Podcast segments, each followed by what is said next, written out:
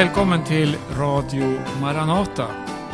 I det här programmet så ska vi ta upp ett ämne som är mycket centralt i Bibeln. Faktiskt hela Bibeln från första boken till den sista boken lyfter fram det vi ska tala om på olika sätt. Det handlar om försoningen. Att få vara försonad, alltså förlåten. Att få bli fri från en skuld. Och eh, jag ska inleda med att, att eh, läsa några ord utav Jesus. Där vi kan se vad den här försoningen eh, kan åstadkomma. Den bygger inte på gärningar, den bygger inte på att man eh, är bra eller dålig rent mänskligt sett. Utan vi ser att det här bygger, bygger på ett Guds handlande gentemot människan. Och ett väldigt tydligt och starkt exempel på det här hittar vi i Lukas, det 23 kapitlet. Här eh, kan vi läsa om hur Jesus, han blev förd ut till Golgata. Han hade tidigare blivit dömd oskyldigt. Han eh, blev plågad, han blev piskad, han fick utstå väldigt mycket lidande. Och eh, nu hängde han uppspikad på ett kors. Och vid hans sida så hängde det två rövare. Och de här rövarna, de hängde där, eh, som vi kan läsa om då, för sina synders skull, för det de själva hade gjort. Och eh, den ene rövaren beder Jesus eh, om en tanke. Han, han eh, insåg att han var förlorad. Han hade, eh, ja, han, han var själv egentligen orsaken till att han hängde på korset på grund av all, allt ont han hade gjort. Nu står det inte vad han gjorde, men det finns ju historia att läsa om varför man blev korsfäst. Och de här var alltså korsfästa för sina synders skull. Och då bad han Jesus så här, det står i vers 42 i Lukas 23. Jesus, tänk på mig när du kommer i ditt rike. Och han svarade honom, Sannerligen säger jag dig, idag skall du vara med mig i paradiset. Den här versen tycker jag fångar på ett oerhört sätt vilken kraft det finns i försoningen. Här möter vi alltså en människa som eh, har begått väldigt mycket ondska i livet och som hängde nu då för sina synders skull på Golgata och allt hopp var ute. Men då fick han den här möjligheten. Han, han fick syn på Jesus. Han, han tog tillfället och bad Jesus om en tanke. Och i ett nu så föll hela hans skuld bort. Hela hans syndabörda, hans syndaregister, allting plånades ut för den rövaren. För Jesus han lovade honom där. Han sa Idag ska du vara med mig i paradiset. Det handlar alltså om försoningen och vad försoningen kan åstadkomma. Och här i programmet ikväll så är vi tre personer som talar. Det är, vid min sida här så har jag Hans Lindelöf. Och i Rumänien så är Paulus Eliasson med. Och Paulus, när, när du hör då om det här ämnet försoningen, vad är din första tanke inför det här programmet? Eh, ja, du läste ju den här texten och den är ju eh, väldigt speciell eh, i Lukas eh, kapitel 20, 23 när eh, Jesus säger till den här rövaren som vi kallar honom. Sannerligen säger dig, idag ska du vara med mig i paradis. Eh, därför att paradiset det nämns bara tre gånger i, i Nya Testamentet och Jesus nämner bara paradiset en gång. Och då är det intressant att han, han nämner paradiset just i det här sammanhanget när han själv hänger på korset och när han själv står in, in, inför döden och när han talar till den här mannen så är det som att han uppenbarar för, för världen och uppenbara för oss som läser texten vad är det egentligen som händer här? Jo, Jesus öppnar vägen till paradis. Och för att förstå vad paradiset är så måste man ju tillbaka ända till den allra första begynnelsen när Gud skapade världen och vilken plan, vilken tanke han hade med världen då. För att det står att Gud skapade ett paradis, en lustgård eh, som vi känner som Edens lustgård. Och där placerade han människan med den tanke att människan skulle föra den här lustgården ut i hela världen, att man skulle fylla världen med Guds närvaro, att man skulle fylla världen med kärlek, med, med Gud själv. Och, eh, men det paradiset, det gick förlorat. Eh, det, på grund av människans synd, att man valde att inte lita på Guds eh, vilja, att inte lita, att inte eh, tro helt och fullt på Gud och vila i Gud, utan man ville man började tro att Gud höll någonting borta ifrån människorna. Man ville ha tag i någonting som, som Gud hade sagt inte var bra för dem, eh, men som man ändå ville ha tag i. Och det, eh, det var då paradiset, det som var Guds tanke med människan, gick förlorat. Och då är det väldigt intressant att se att det är just det som Jesus anknyter till och säger, det här det ska du få vinna tillbaka och det gäller för en rövare, det gäller för, om du vill, en ond människa. En människa som inte hade gjort särskilt mycket gott i livet därför att det finns inte så många andra människor. Det är, vi är eh, bundna av ondskan och så kommer det här erbjudandet ifrån Jesus, idag ska du vara med mig i paradis. Jag tycker att det är en, eh, när, man, när man läser hela Bibeln och, och tar in hela den här historien så så binder just det här uttrycket på ett fantastiskt sätt ihop eh, både början och slutet. För att i Uppenbarelseboken så står det också ett löfte till, till de som eh, vinner seger. Det står att den som vinner seger ska jag ge att äta av livets trä som står i eh, Eh, mitt i Guds paradis, säger Jesus till eh, sin församling. Och, och det är eh, det är försoningens mål också.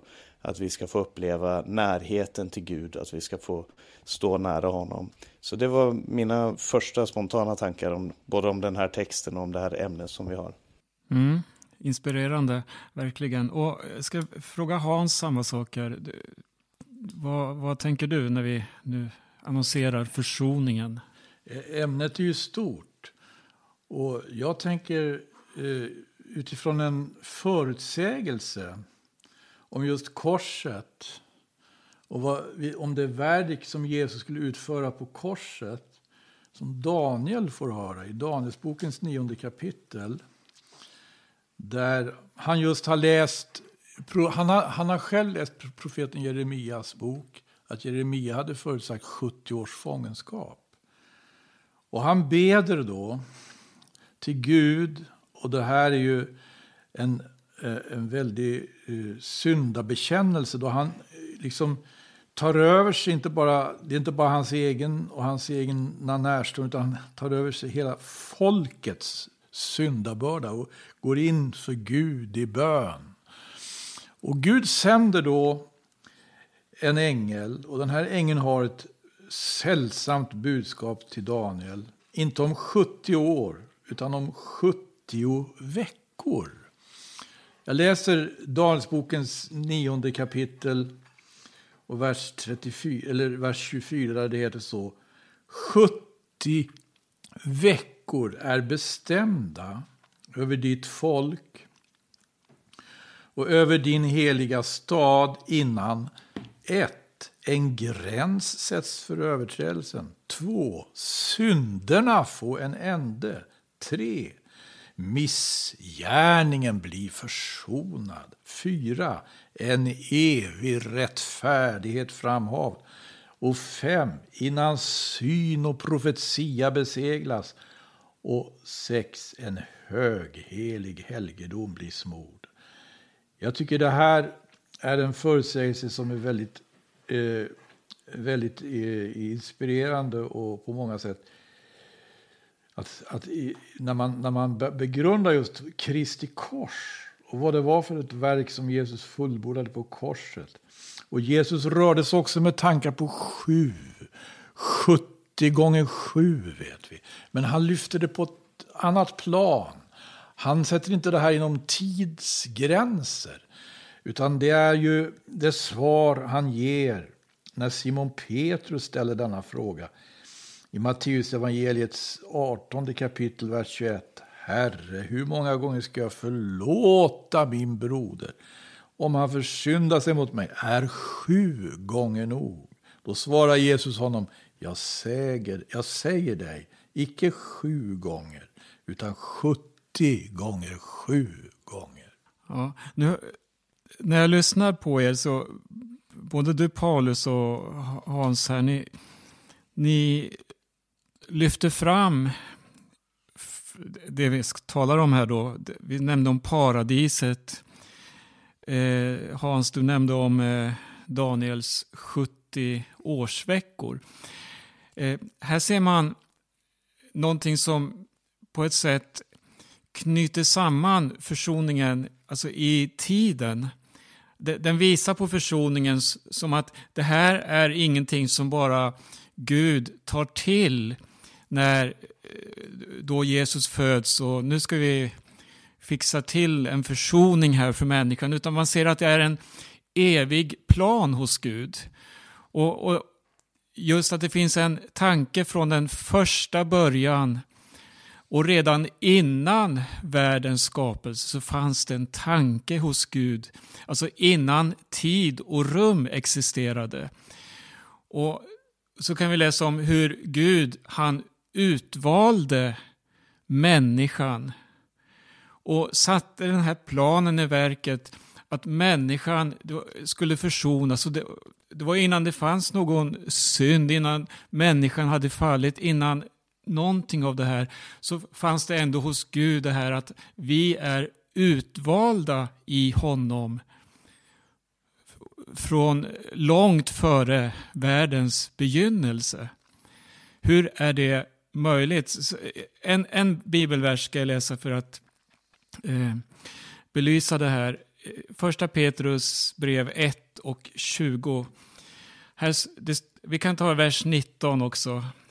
Det står att han med Kristi dyra blod, såsom med blodet av ett felfritt lamm utan fläck, så har han lösköpt oss. Och så står det, så var förutsett om honom före världens begynnelse.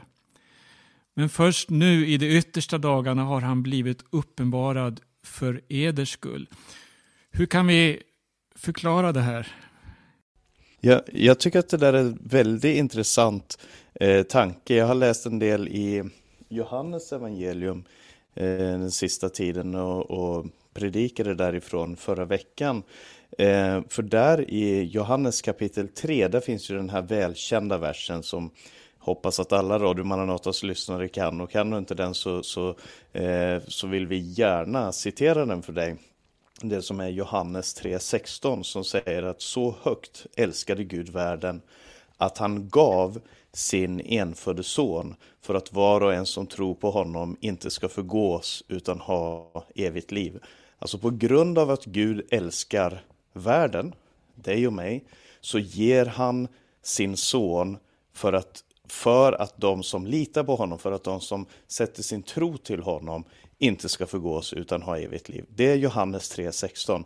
Otroligt viktigt och vi kommer säkert komma tillbaka till den versen också och det den säger. Men lite senare i kapitlet, samma kapitel, så är det Johannes döparen som talar om Jesus och de ber honom förklara vem Jesus är. Eh, och då säger han, Fadern älskar sonen och allt har han gett i hans hand. Alltså fader, i, i treenigheten, Fader, Son och Helig Ande, så är det en kärlek mellan Fadern och sonen. Och den här kärleken den var innan världens grund blev lagd. För att eh, Jesus talar om det i Johannes 17 som vi faktiskt har haft ett rörprogram om tidigare. Där talar han om den härlighet som sonen hade hos fadern innan världens grund blev lagd. Så de hade, det var en gemenskap i treenigheten innan världen blev till. Där fadern älskar sonen.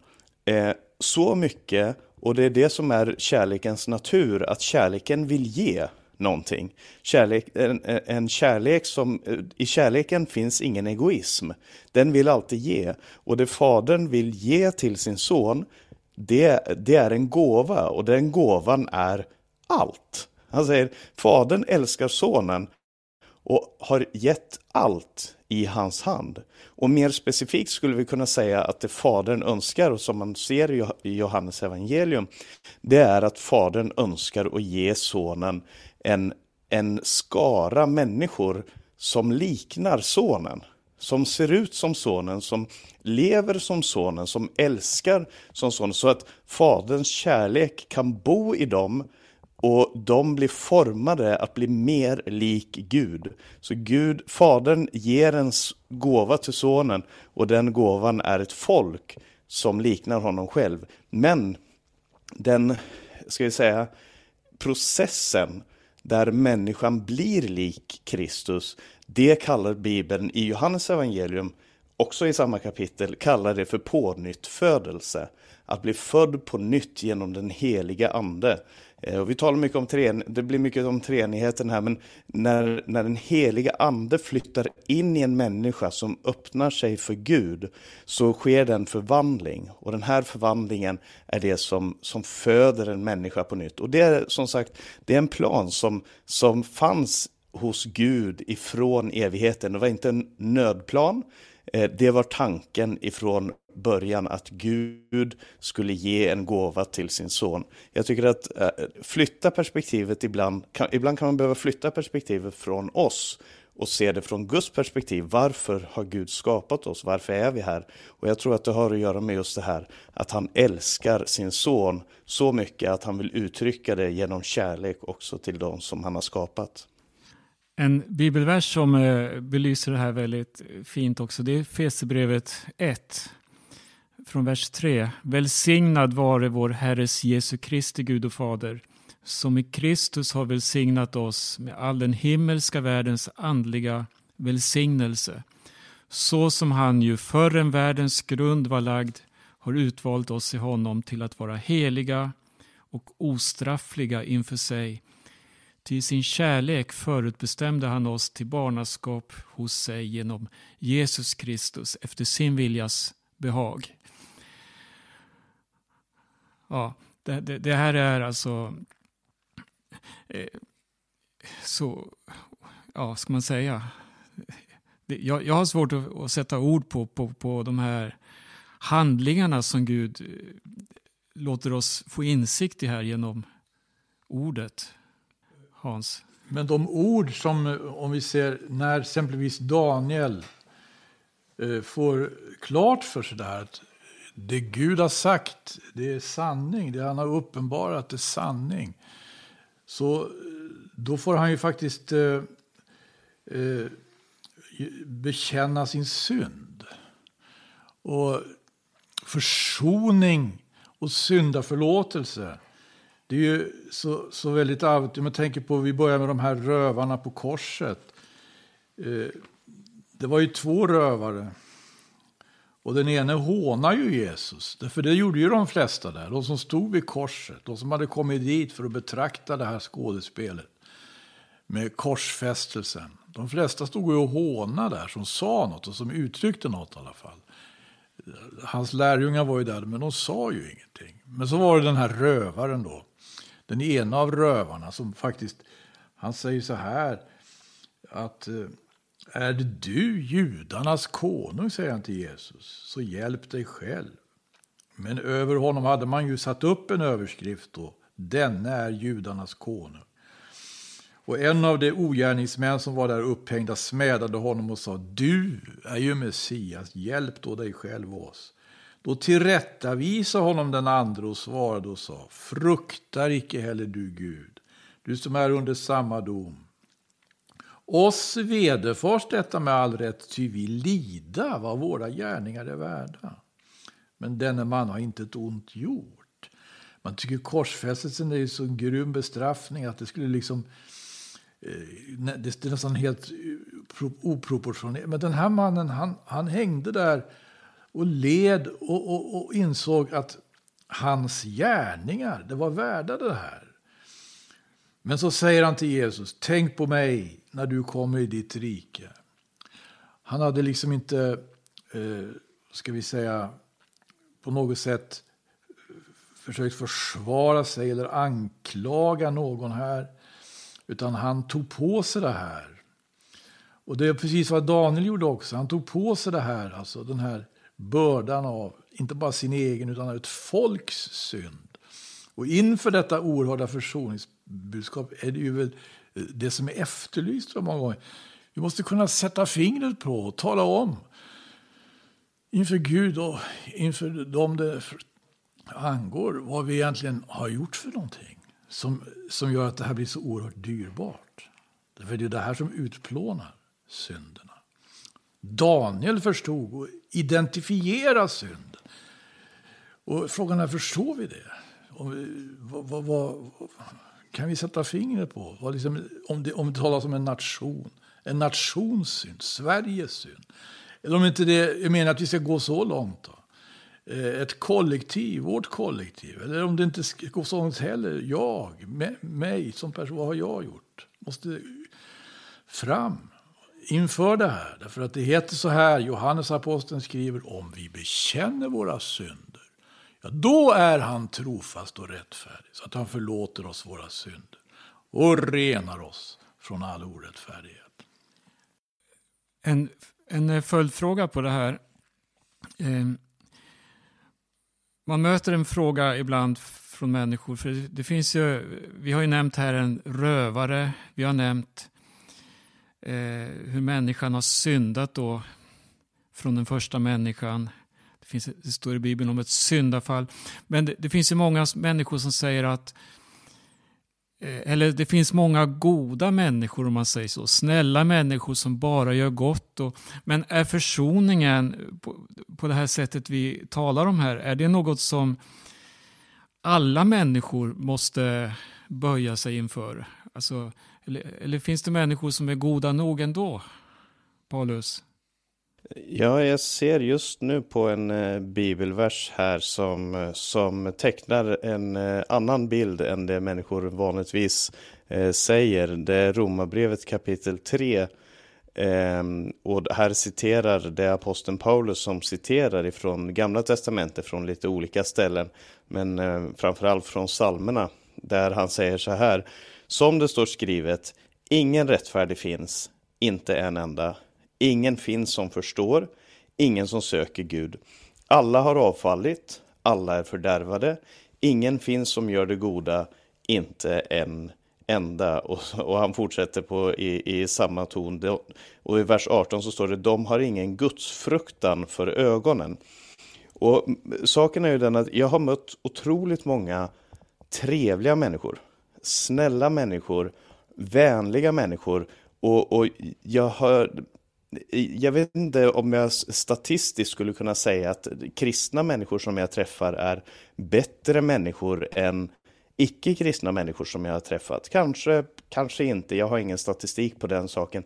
Det är inte det relevanta egentligen, även om man skulle önska att det var så att, att kristna var mer formade av, av Kristus.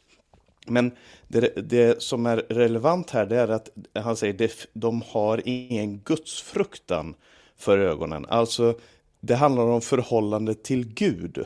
För att det, det, eh, när Jesus fick frågan vad är det största budet, alltså vad, vad är det människan behöver göra, vad är det vi ska göra för någonting, så sa Jesus, du ska älska Herren din Gud av allt ditt hjärta, all din själ, all din kraft och allt ditt förstånd. Eh, och du ska älska din nästa som dig själv. På dessa två bud, sa han, hänger hela lagen. Så om kärlek är lagens uppfyllelse, eh, så är hat den största synden. Och det är någonting som vi är bärare på allihop. Och jag säger inte det för att, eh, för att eh, Eh, jag påstår att min granne här, han, han, är så, han hatar så mycket. Han kanske är jättesnäll, han kanske är en jättetrevlig person. Men Bibeln säger du ska älska Herren din Gud av allt ditt hjärta, all din själ, all din kraft och all din förstånd. Därför att Gud som skapare av världen och som det högsta goda, om det är sant det vi säger, alltså att Gud existerar och att Gud är skapare av världen och att han är det högsta goda, då är han värdig. Eh, eh han är värdig vår, vår tillbedjan vår, och vår kärlek. Och eh, han, han, det är det bästa för oss. Det är det, är det största för oss är att vara i Guds närhet och att tillbe honom. Eh, men det är det ingen av oss som gör. Det är ingen av oss som älskar Gud på det sätt som Gud är värdig, som, som tjänar Gud på det sättet eh, och, och, som har den, det förhållandet till Gud som vi skulle ha.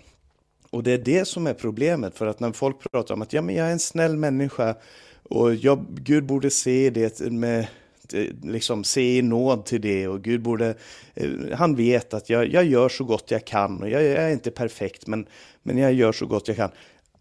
Nej, du, du, det är det som är problemet, att vi, då har vi inte sett, framförallt har vi inte sett Guds storhet.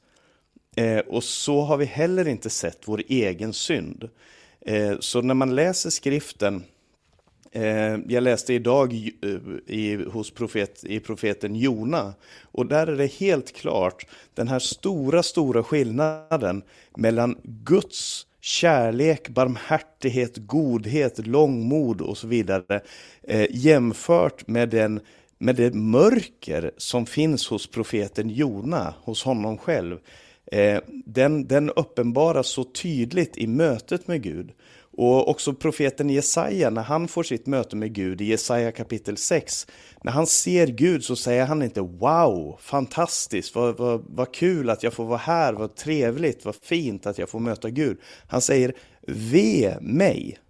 När han, när han möter Gud, och det är det jag skulle önska för människor idag, att vi fick teckna Kristus för dem på ett sådant sätt att de kan se hans helighet, hans storhet, hans härlighet eh, på ett sådant sätt att man förstår, jag arma syndare, vad är jag för någonting? Då uppenbaras mörkret i en själv och ljuset i ljuset från Kristus. Det är det, det är det vi behöver göra och därför som, för att svara kort på din fråga som jag eh, tydligen inte, inte riktigt klarar att göra, men så, så säg, presentera Bibeln och jag tror att det kan föras i bevis att det är absolut sant. Det finns ingen som är rättfärdig.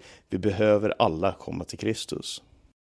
Ja, eh, det, det står ju också på många ställen i Bibeln. Det finns uppmaningar om att man ska göra gott, man ska hjälpa de fattiga, man ska inte vara orättfärdig, man ska dela med sig, man ska besöka dem i fängelset och besöka de sjuka, man ska kläda de nakne. Och det, det, det här står till och med i ett sammanhang när nationerna ska stå inför tronen och Herren ska döma. Och då, då ställs det frågor då, vad har du gjort mot den, vad har du gjort mot den, ja det har du gjort mot mig. Men räcker inte då de här gärningarna för att försonas med Gud? Det är ju det som är problemet att eh, Bibeln säger så här att vår rättfärdighet är som en fläckad klädnad inför Gud. Det är det, är, det, är det som är det, det stora problemet med, med vår egen rättfärdighet. Och det är det som är så svårt för en människa att komma till att komma fram till för att vi bildar, vi skapar vår egen moral utifrån hur vi själva är. Det är okej okay att jag gör det här för att jag är sån, eller man, man skapar sin egen standard. Men, men vi, är inte, vi står inte och, och ska jämföra oss med, med vår egen standard. Vi ska jämföras med Gud och det, där kommer vi allesammans till korta. Det är det som är problemet. För att säga så här, vi, alla människor kommer till korta utom en. Och det är vårt hopp. Hans? Eh, sen är det väl så Paulus att eh, hatet är ju inte utan vidare den stora synden. För skulle det vara det då skulle ju inte Jesus berömma den som hatar. Men han berömmer ju den som hatar i eh, de sju sändebreven. Inte bara hatar i allmänhet.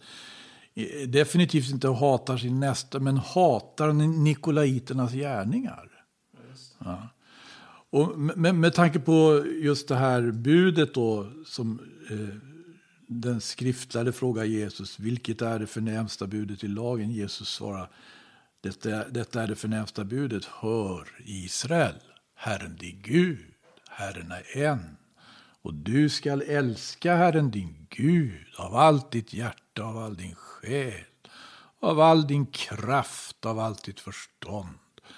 Där, därnäst kommer ett bud som är detta likt. Du ska älska din nästa så som dig själv. Men i det här budet så, så förnimmer jag närvaron av en stor eld. Guds eld, Guds andes eld. Och det gör ju att, eh, inte hatet kanske så mycket, naturligtvis är hatet inte, när det handlar om eh, det destruktiva hatet mot människor, eh, alls bra. Men det är väl ljumheten snarare inför det här budet som är den stora synden. Det är det som får Jesus och som det heter kasta upp. Eftersom du är ljum och vare, vare sig kall eller varm, säger han till, till församlingens sändebud Laodicea. Därför ska jag utspy dig ur min mun. Ja? Ja, de människorna eh, där, det står ju om dem att de upplevde sig själva väldigt tillfredsställda och i gott förhållande då till sin verksamhet i varje fall. Ja, just det. Jag är rik, mig fattas ingenting. Ja. Jag har skaffat mig rikedomar och behöver inget.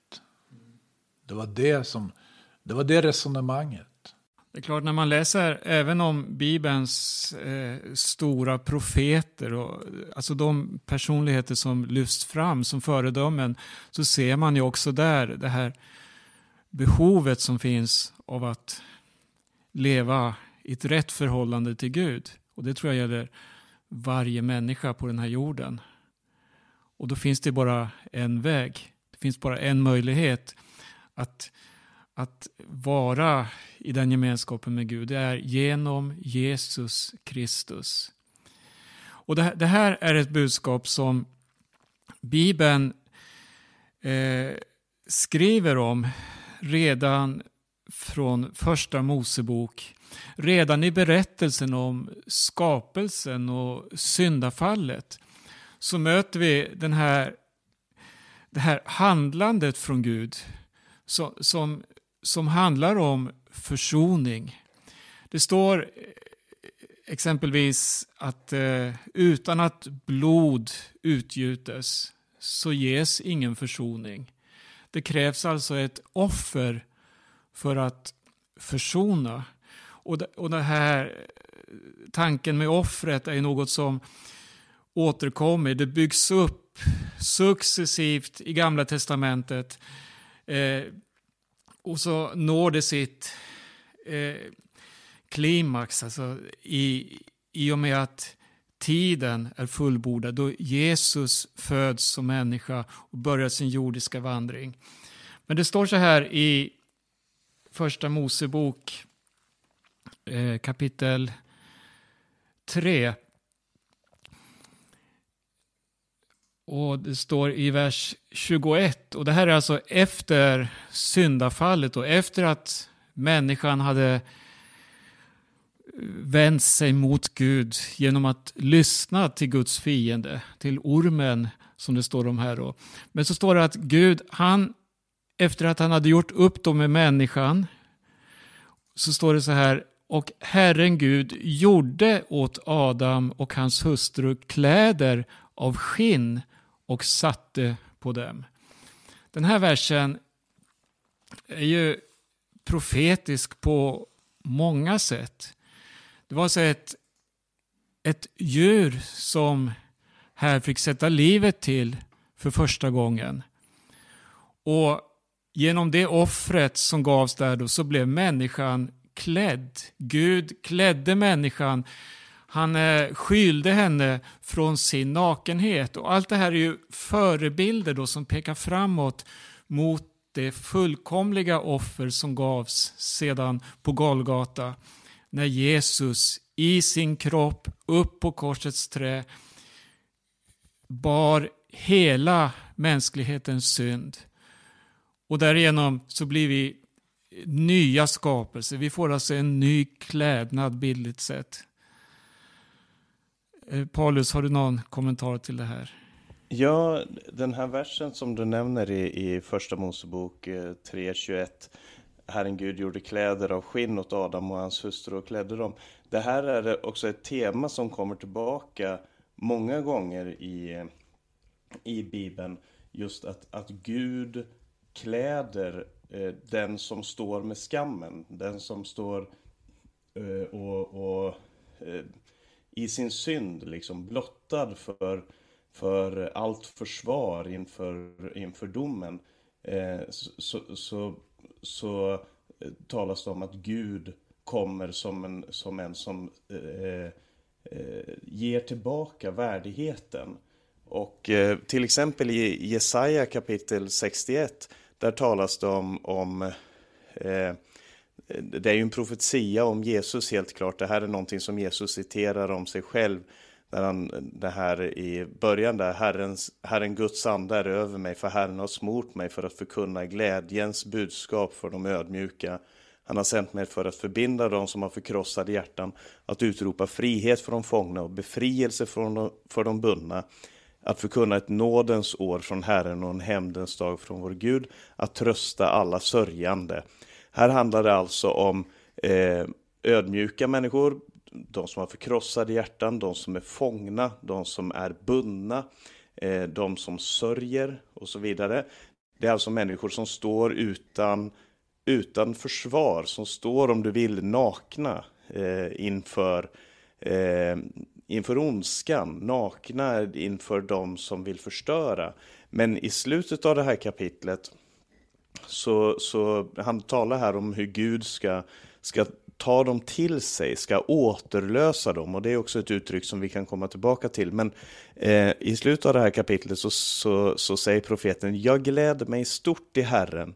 Min själ fröjdar sig i min Gud, för han har klätt mig i frälsningens klädnad och svept in mig i rättfärdighetens mantel, som när brudgummen sätter tur turbanen på sitt huvud, som när bruden pryder sig med sina smycken. Helt plötsligt så, så, så i Guds frälsning, i Guds återlösning, eh, så, så eh, får man en värdighet som en brudgum eller en brud som står smyckad och som är festens mittpunkt helt plötsligt. Så de här bundna, eh, ödmjuk, eh, förödmjukade, eh, fattiga människorna som, som eh, inte hade någonting i sig själv, de blir iklädda det som Gud har för dem.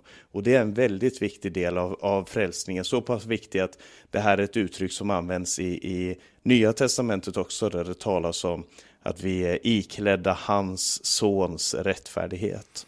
Nu läste vi alltså om eh, hur Gud klädde människan och det var först då redan vid eh, den första människan i första Mosebok 3.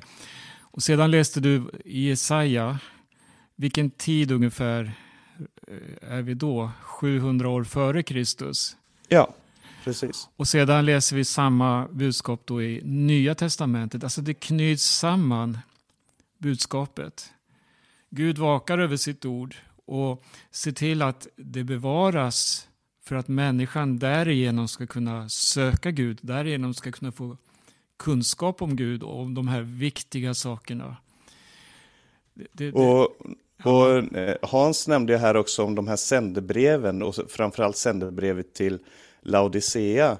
Eh, som, som ju också, de som menade att de var rik, jag är rik, mig fattas ingenting. Eh, och, och Gud, Gud talar till dem om deras ljumhet, deras eh, bekymmerslöshet och det här.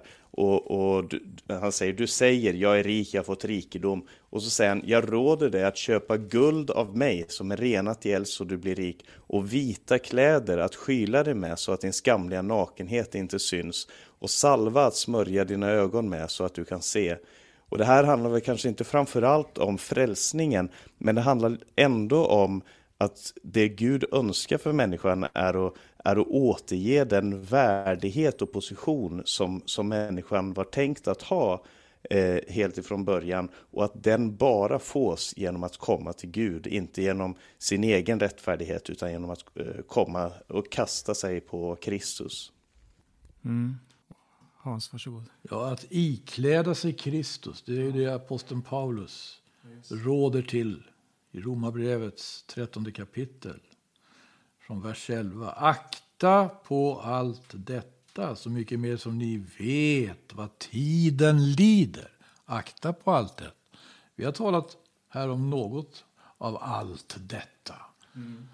Allt detta, så mycket mer som ni vet vad tiden lider, att stunden nu är inne för er att vakna upp ur sömnen. Ty frälsningen är oss nu närmare än då vi kom till tro. I natten är framskriden, fortsätter och dagen är nära.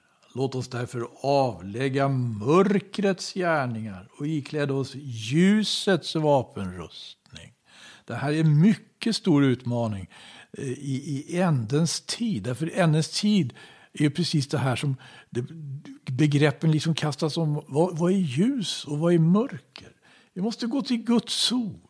Vi måste återvänja oss vid de gamla skrifterna så att Guds ord blir riktigt levande och gripbart för oss.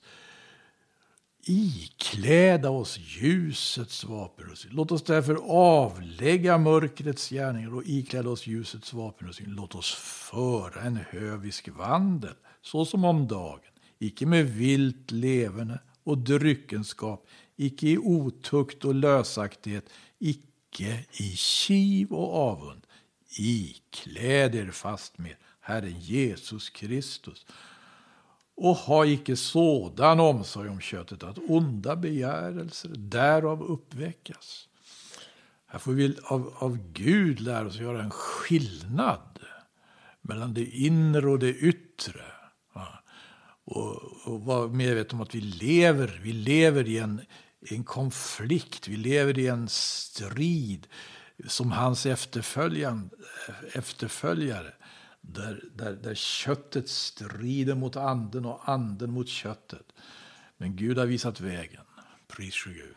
Eh, när jag lyssnar till eh, er här och, och, när vi läser Guds ord så då, då, då, förstår jag att försoningen verkar fram den här personlighets förändringen också. Att man blir en annan människa, man får ett annat sinne, man börjar tänka på ett nytt sätt. Vad, vad är det som händer när man blir försonad? Det, I Johannes kapitel 15 så talar Jesus någonting om det där. Eh, han använder den där bilden av att han är en vinstock och vi är grenarna. Eh, och så säger han, om någon förblir i mig och jag i honom, så bär han rik frukt. Utan mig kan ni ingenting göra. Alltså en människa som är utan Kristus, som inte har den här eh, eh, kopplingen till honom, den här, den här, eh, det här livet i honom, eh, kan inte åstadkomma den frukt som Gud önskar att se. Och när det gäller frukten så, kan, så eh, förklarar inte Jesus här i texten så mycket om vad det handlar om, men han säger, han säger till exempel så här, detta har jag sagt er för att min glädje ska vara i er och för att er glädje ska bli fullkomlig. Eh, så, han, så, en del av frukten är glädje.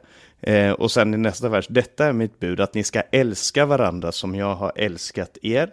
Alltså en annan del av frukten är kärlek, alltså Kristi kärlek i oss. Och helt plötsligt så tänker jag att vänta nu, det är en annan som har talat om en frukt som Gud verkar i en människas liv och det är aposteln Paulus i, i Galaterbrevet där han säger att eh, andens frukt, stå, eh, det är, eh, han säger så här, eh, andens frukt däremot är kärlek, glädje, det var det som Jesus hade talat om, och så sen frid, tålamod, vänlighet, godhet, trohet, mildhet, självbehärskning. Sådant är lagen inte emot. Det, det, är den här närheten till Kristus som förvandlar oss så vi blir mer lika honom och det, här, och det verkar fram en frukt i vårt liv. Eh, och det, det ska man kunna förvänta sig av de som har mött Kristus, som har stått nära honom, att den här frukten växer fram. Mm. Jag har en eh, fråga till här. Jag, jag tänker på det här att försonas, det kräver ju ett offer. Och eh, vad, vad, är det för pris det handlar om? Vad är det för kostnader vi talar om? Vad är det som ska offras? Och eh, då, då läser jag här nu om Abraham som fick en son på äldre dagar. Hans hustru var 90 år, själv var han över 100 år. Och det här var ju ett, en löftesson, Isak. Och då får Abraham ett tilltal från Gud, han får en befallning av Gud. Och då säger Gud så här till honom. Tag din son Isak, din enda son som du har kär, och gå bort till Moria land och offra honom där såsom brännoffer på ett berg som jag skall säga dig. Den här versen, den är så svår, rent mänskligt sett, att ta till sig. Att, alltså en, en, eh, vi ser Abraham och hans enda son som han har fått som ett löfte från Gud. Och nu säger Gud, gå och offra honom. Och vem, vem, kan bära en sån börda? Och vad pekar det här fram emot? Vad, vad handlar det om? Varför står det nedtecknat i Bibeln? Alltså det, det, det vittnar ju om, om högre lagar, va? lagar som står över de subjektiva eh, mänskliga känslorna. Som eh, alltså faktiskt vittnar om, eh, om Kristi kors också. Därför att eh, det, det, Gud säger till Abraham när han är beredd att göra detta. Eftersom du inte har undanhållit mig din enda son. Därför, säger han, därför ska jag välsigna dig. Och i detta att, att, att Gud välsignar Abraham ligger också att Gud undanhåller inte sin enda son. Nu kommer jag inte ihåg ord, ord, ordalydelsen exakt, men det är ju liksom meningen.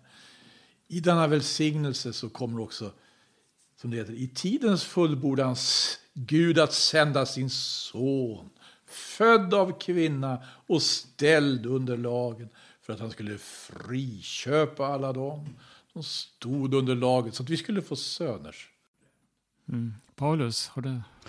Ja, eh, du talar här om, om det här stora priset som eh, och, och, du citerade ju här i början från första Petrus brev och jag skulle vilja citera där det som, eh, det som står där i sammanhanget. Ni vet ju eh, att det inte var med förgängliga ting som silver eller guld ni blev friköpta från det meningslösa liv ni ärvt från era fäder. Nej, det var med Kristi dyrbara blod, som med blodet av ett lamm utan fel och brist. Han var utsedd redan före världens skapelse, men har nu i dessa sista tider uppenbarats för er skull. Genom honom tror ni på Gud. Eh, och, och det här är intressant för att eh, Eh, dels så uppenbarar det Guds kärlek, att han ger sig själv helt och fullt. Alltså fadern ger sin egen son och sonen eh, ger sig själv som ett offer för att frälsa sin brud, om vi ska använda väldigt kristna uttryck här, för att frälsa mänskligheten, för att frälsa människor till sig själv.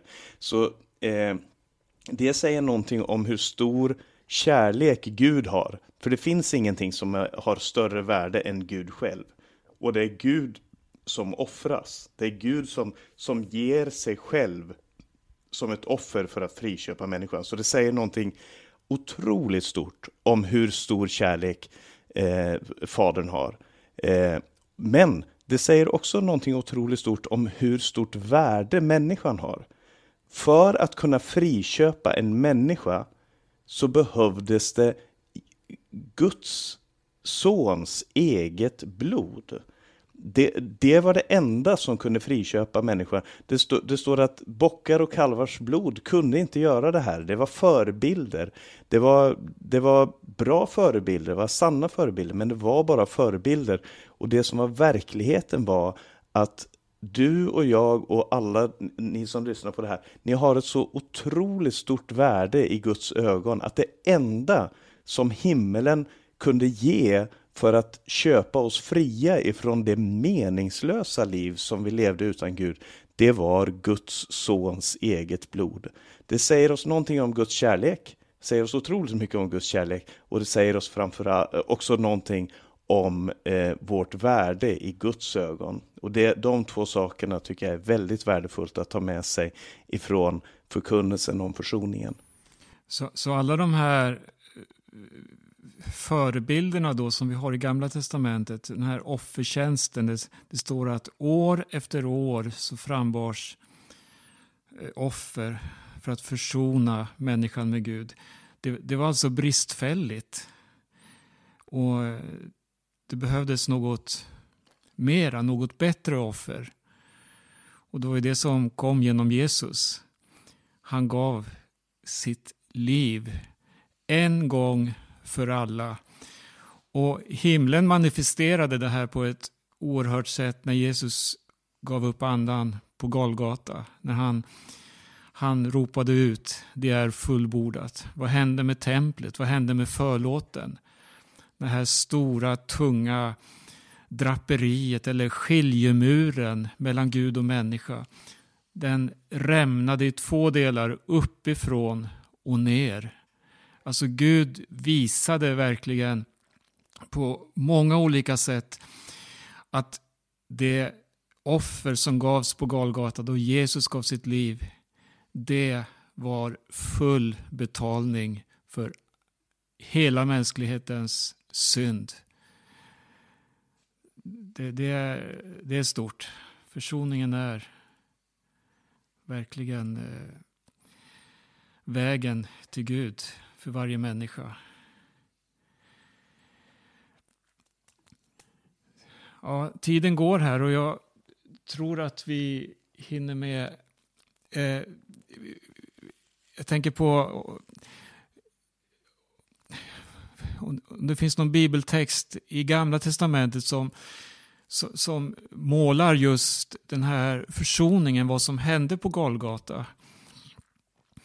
Och det, vi har ju citerat här eh, Jesaja exempelvis. Och han, han skriver ju i det 53 kapitlet. Det är en oerhörd profetia. Det, när man läser den, eh, det är kanske någon av er som har den framme. Ja, jag har den framme här. Ja, när man läser den, det, det, det är som att eh, läsa i realtid om det som händer på Golgata. Trots att det är skrivet så många hundra år innan. Eh, Paulus, du får gärna kommentera det också och läsa någon rad ur det. Ja, det, eh, i mitten av den här texten, som egentligen börjar i eh, kapitel 52, helt i mitten av den här texten, så, så finner man 53 och vers 5. Det är centrum i, i Jesajas förkunnelse. Det är den här versen. Han blev genomborrad för våra brott, slagen för våra synder. Straffet blev lagt på honom för att vi skulle få frid och genom hans sår är vi helade. Den versen kan du gå fram och tillbaka i många gånger eh, för, att innan du förstår hur otroligt stor den här frälsningen är. Att han blev genomborrad, inte för någonting han själv hade gjort, men för mig. Han blev slagen för mina synder. Straffet blev lagt på honom. Och, och det här hade så ett mål. Alltså det var inte bara på grund av mina brott och på grund av mina synder. Men straffet blev lagt på honom för att, alltså med målet att vi skulle få frid. Och genom hans sår är vi helade. Så, så frid till ande, själ och kropp, det är det Jesus erbjuder, det är det som, som evangeliet talar om. Och det här är ju skrivet, precis som du sa, 700 år innan. Men, men sanningen är att det är som att läsa i realtid vad som händer på Golgata kors och vad som händer idag. För att det står i nästa, i nästa vers, vi gick alla vilse som får. Och det är det man ser i den här världen, så otroligt mycket vilsenhet. Var och en gick sin egen väg. Människor väljer själva vad, vad de ska tro på, vad de, vad de ska tillbe, vad de, vad de ska eh, ägna sina liv åt. Och så står det, men all vår skuld la Herren på honom. Jag, jag tycker att den här texten är helt fantastisk. Men det var Guds vilja att slå honom och låta honom lida. När du gör hans liv till ett skuldoffer får han se avkomlingar och leva länge och Herrens vilja ska ha framgång genom hans hand. Så han, han återuppstår ifrån döden och ut av, ur hans lidande så kommer det människor som är hans avkomlingar, hans, resultatet av hans möda och Guds vilja får framgång genom hans hand. Så Guds eviga vilja uppenbarad genom Jesus Kristus, det är fantastiskt. Mm. Eller vi kan läsa i första Korinthierbrevet 15 också, för vi har ju talat mycket om vad försoningen gör för oss människor, att det är den som ger oss gemenskap med Gud, men det är också den som har vunnit seger över synden och döden.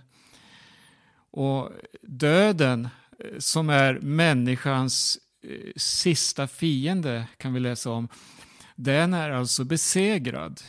Och genom att Jesus bar vår synd, genom att Jesus dog för oss och genom att han uppstod från de döda så har vi också fått ett evigt liv i Herren Jesus Kristus. Vi är nya människor och vi har vunnit seger över döden. Vår fysiska eh, varelse här kommer att dö en gång. Men eh, Bibeln säger att, eh, att vi har en ny människa, en människa som aldrig någonsin ska dö. Och så här skriver Paulus i första Korinthierbrevet 15. Du död, var är din seger? Du död, var är din udd? Dödens udd är synden och syndens makt kommer av lagen. Men Gud vare tack som giver oss segern genom vår Herre Jesus Kristus. Seger över död, seger över synd. Allt det här har vi i försoningen hos Jesus Kristus. Där får vi avsluta programmet. Jag får tacka Hans, får tacka Paulus och eh, Sebastian som sköter tekniken och Gud välsigne var och en.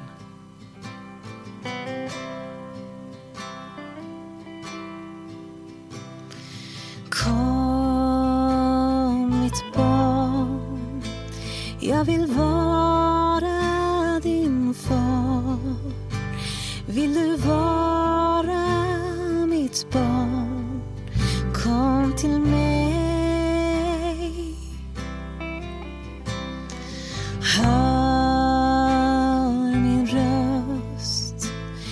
Jag vill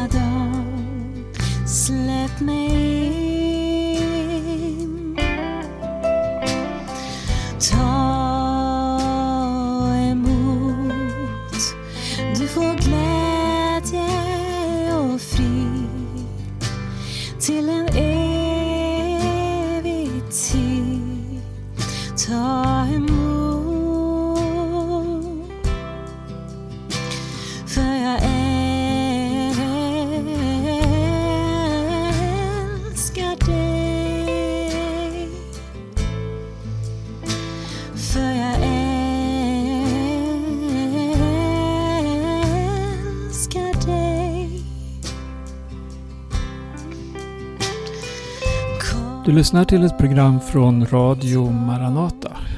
Och eh, vi tackar för oss för den här gången. Varmt välkommen att lyssna också på podcast. Maranata podcast. Och du kan hitta länkar också via församlingens hemsida maranata.se.